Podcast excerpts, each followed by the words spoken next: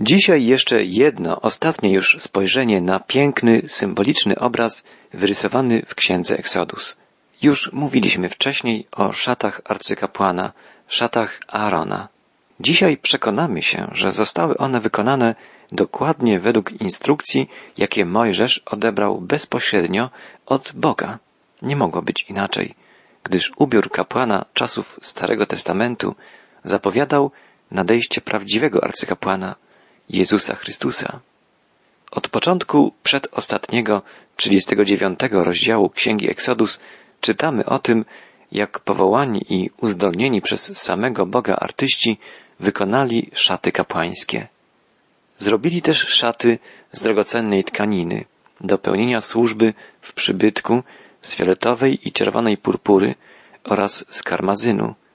Zrobili również szaty święte dla Aarona, jak to Pan nakazał uczynić Mojżeszowi.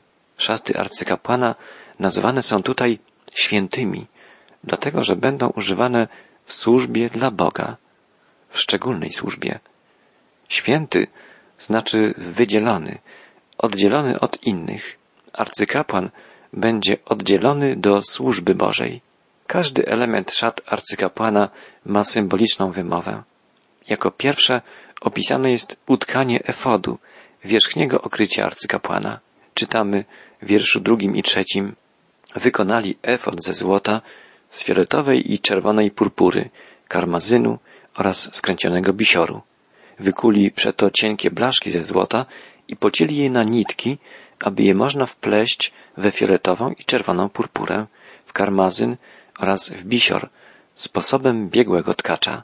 W ten niezwykły sposób powstał wielobarwny efot. Fiolet, czerwień, purpura i biel wskazywały symbolicznie na godność królewską i czystość, prawość przyszłego arcykapłana Chrystusa, a złote nici wplecione w efot zapowiadały jego niebiańską chwałę. Szaty arcykapłana odróżniały się czterema elementami od stroju zwykłych kapłanów. Pierwszym elementem był wspomniany efot, a o drugim czytamy dalej w wierszu szóstym i siódmym. Obrobili też kamienie onyksowe osadzone w złote oprawy, z wykutymi na nich na wzór pieczęci imionami synów Izraela. Umieścili je na obu naramiennikach efodu jako kamienie pamięci o synach Izraela, jak nakazał Pan Mojżeszowi. Arcykapłan nosił na ramionach dwa duże kamienie onyksowe z wykutymi na nich imionami plemion Izraela, nosił więc na swoich ramionach symbolicznie cały Boży lud. Trzecim elementem wyróżniającym arcykapłana był pektorał, czyli napierśnik. Na nim umieszczonych było dwanaście różnych drogich kamieni z pojedynczymi imionami pokoleń izraelskich. Arcykapłan nosił więc imiona swego ludu także na piersiach. Nie trzeba chyba długo wyjaśniać, co symbolizowały te dwa obrazy. Chrystus nosi na swoich ramionach i na swoim sercu wszystkich tych, których odkupił. Czwartym elementem wyróżniającym strój arcykapłana była suknia lub płaszcz z fioletowej purpury. Czytamy od wiersza 22. Zrobili też suknię pod efot całą utkaną z fioletowej purpury i miała w środku otwór na głowę z obszywką dokoła otworu.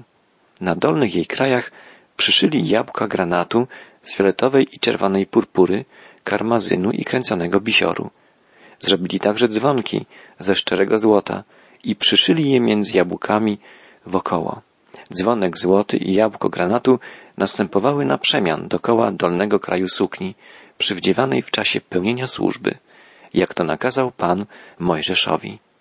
Suknia ta miała na dolnym kraju przyszyte dzwoneczki, które dzwoniły, gdy kapłan poruszał się, gdy wykonywał czynności obrzędowe, gdy przemieszczał się w namiocie spotkania.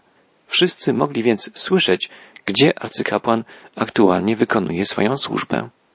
Owoce granatu, wiszące u dolnego kraju płaszcza arcykapłana, na przemian z dzwoneczkami, mówią o potrzebie prowadzenia owocnego życia i składania wyraźnego świadectwa przez każdego wierzącego. Barwne, przetkane złotem i pokryte drogimi kamieniami szaty arcykapłana w sposób obrazowy zapowiadały chwałę i piękno postaci Mesjasza, Chrystusa, prawdziwego arcykapłana, przychodzącego w imieniu ludu wierzących przed oblicze Boga Ojca w niebie. Oprócz czterech elementów wyróżniających szaty arcykapłana, nosił on także ubiór wspólny dla wszystkich kapłanów. Stroje synów Aarona, czyli zwykłych kapłanów, były znacznie skromniejsze niż szaty arcykapłana. Kapłani byli ubrani na biało. Niemal cały ich strój wykonany był z białego bisioru. Czytamy, zrobili także tuniki utkane z bisioru dla Arona i jego synów oraz tiarę z bisioru, mitry z bisioru i lniane spodnie z bisioru kręcanego. Tuniki, spodnie szczelnie okrywały ciało kapłanów. Byli oni niejako okryci bielą. Biel to symbol czystości. Dzisiaj każdy wierzący, pragnący służyć Jezusowi, okryty jest Jego sprawiedliwością, Jego świętością. Ciekawą rzeczą jest to, że w wielkim dniu przebłagania, czyli w Jom Kippur, w tym jedynym w roku dniu, kiedy arcykapłan wchodził do miejsca najświętszego przybytku, żeby złożyć tam ofiarę przebłagania za lud, zdejmował swoje barwne szaty arcykapłana i wchodził do przybytku z krwią zwierzęcia ofiarnego w białym stroju zwykłego kapłana. Jest to wspaniały obraz tego, co uczynił Chrystus, gdy wyzbywszy się chwały nieba, stąpił na ziemię, żeby przelać na krzyżu swoją krew, żeby oddać swoje życie za nas, grzeszników. Jeszcze jeden ważny element stroju arcykapłana został wykonany zgodnie z instrukcjami przekazanymi Mojżeszowi. Czytamy w wierszu 30 i 31. Zrobili też diadem ze szczerego złota i wyrzeźbili na nim, jak się rzeźbi na pieczęci, poświęcony dla Pana.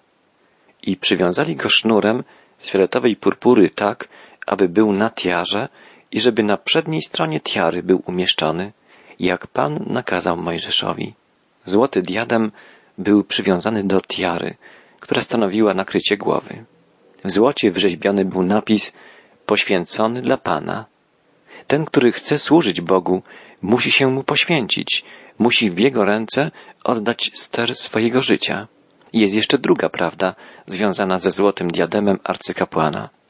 Bóg, patrząc na swój lud, widział diadem z napisem poświęcony dla Pana. W ten sposób lud Boży, sam w sobie niegodny, grzeszny, był w oczach Pana uświęcony, czysty. Tak naprawdę lud Boży, a więc wspólnota wszystkich wierzących, uświęcona jest poprzez Jezusa Chrystusa, okryta jest Jego sprawiedliwością, Jego czystością. Jeszcze raz widzimy, jak niezbędne i jak cudowne jest dzieło naszego Zbawiciela i arcykapłana, Jezusa Chrystusa.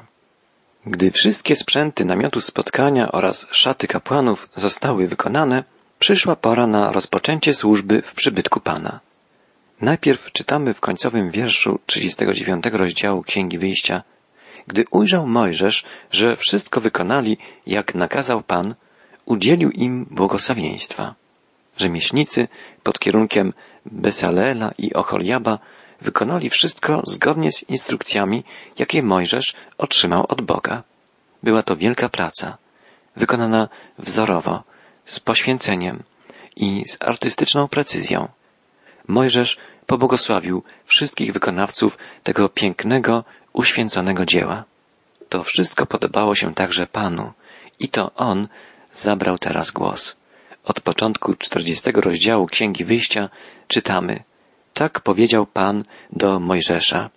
W pierwszym dniu miesiąca pierwszego postawisz przybytek wraz z namiotem spotkania i umieścisz w nim arkę świadectwa i nakryjesz ją zasłoną. Wniesiesz także stół i położysz na nim to, co ma być położone oraz wniesiesz świecznik i postawisz na nim lampy. Ustawisz również złoty ołtarz do spalania kadzidła przed arką świadectwa i zawiesisz zasłonę przy wejściu do przybytku. Ołtarz zaś całopalenia postawisz przed wejściem do wnętrza namiotu spotkania. Kać zaś umieścisz między namiotem spotkania a ołtarzem i napełnisz ją wodą. Urządzisz też dziedziniec dokoła, a przy bramie zawiesisz zasłonę. Namiot spotkania został ustawiony. Wszystkie przedmioty, zasłony oraz ogrodzenie dziedzińca znalazły się na swoim miejscu. Możemy sobie wyobrazić, jak piękny był to widok dla Izraelitów, gdy w środku ich obozu na piasku pustyni stanął tak niezwykły namiot, przybytek żywego Boga. Stało się to w pierwszym dniu pierwszego miesiąca, a więc na samym początku nowego żydowskiego roku kalendarzowego. Jak czytaliśmy, najpierw ustawiona została skrzynia przymierza, arka świadectwa, potem stół pokładny, świecznik siedmioramienny, złoty ołtarz kadzidlany, a potem ołtarz całopaleń i kadź z brązu z wodą. I tak miało być już zawsze w czasie wędrówki przez pustynię. Zawsze najpierw ustawiano arkę, budowano miejsce najświętsze, potem miejsce święte, gdzie stawiano stół, świecznik i ołtarz kadzidlany, a następnie ustawiano ogrodzenie i na dziedzińcu stawał ołtarz całopaleń i kadź z wodą.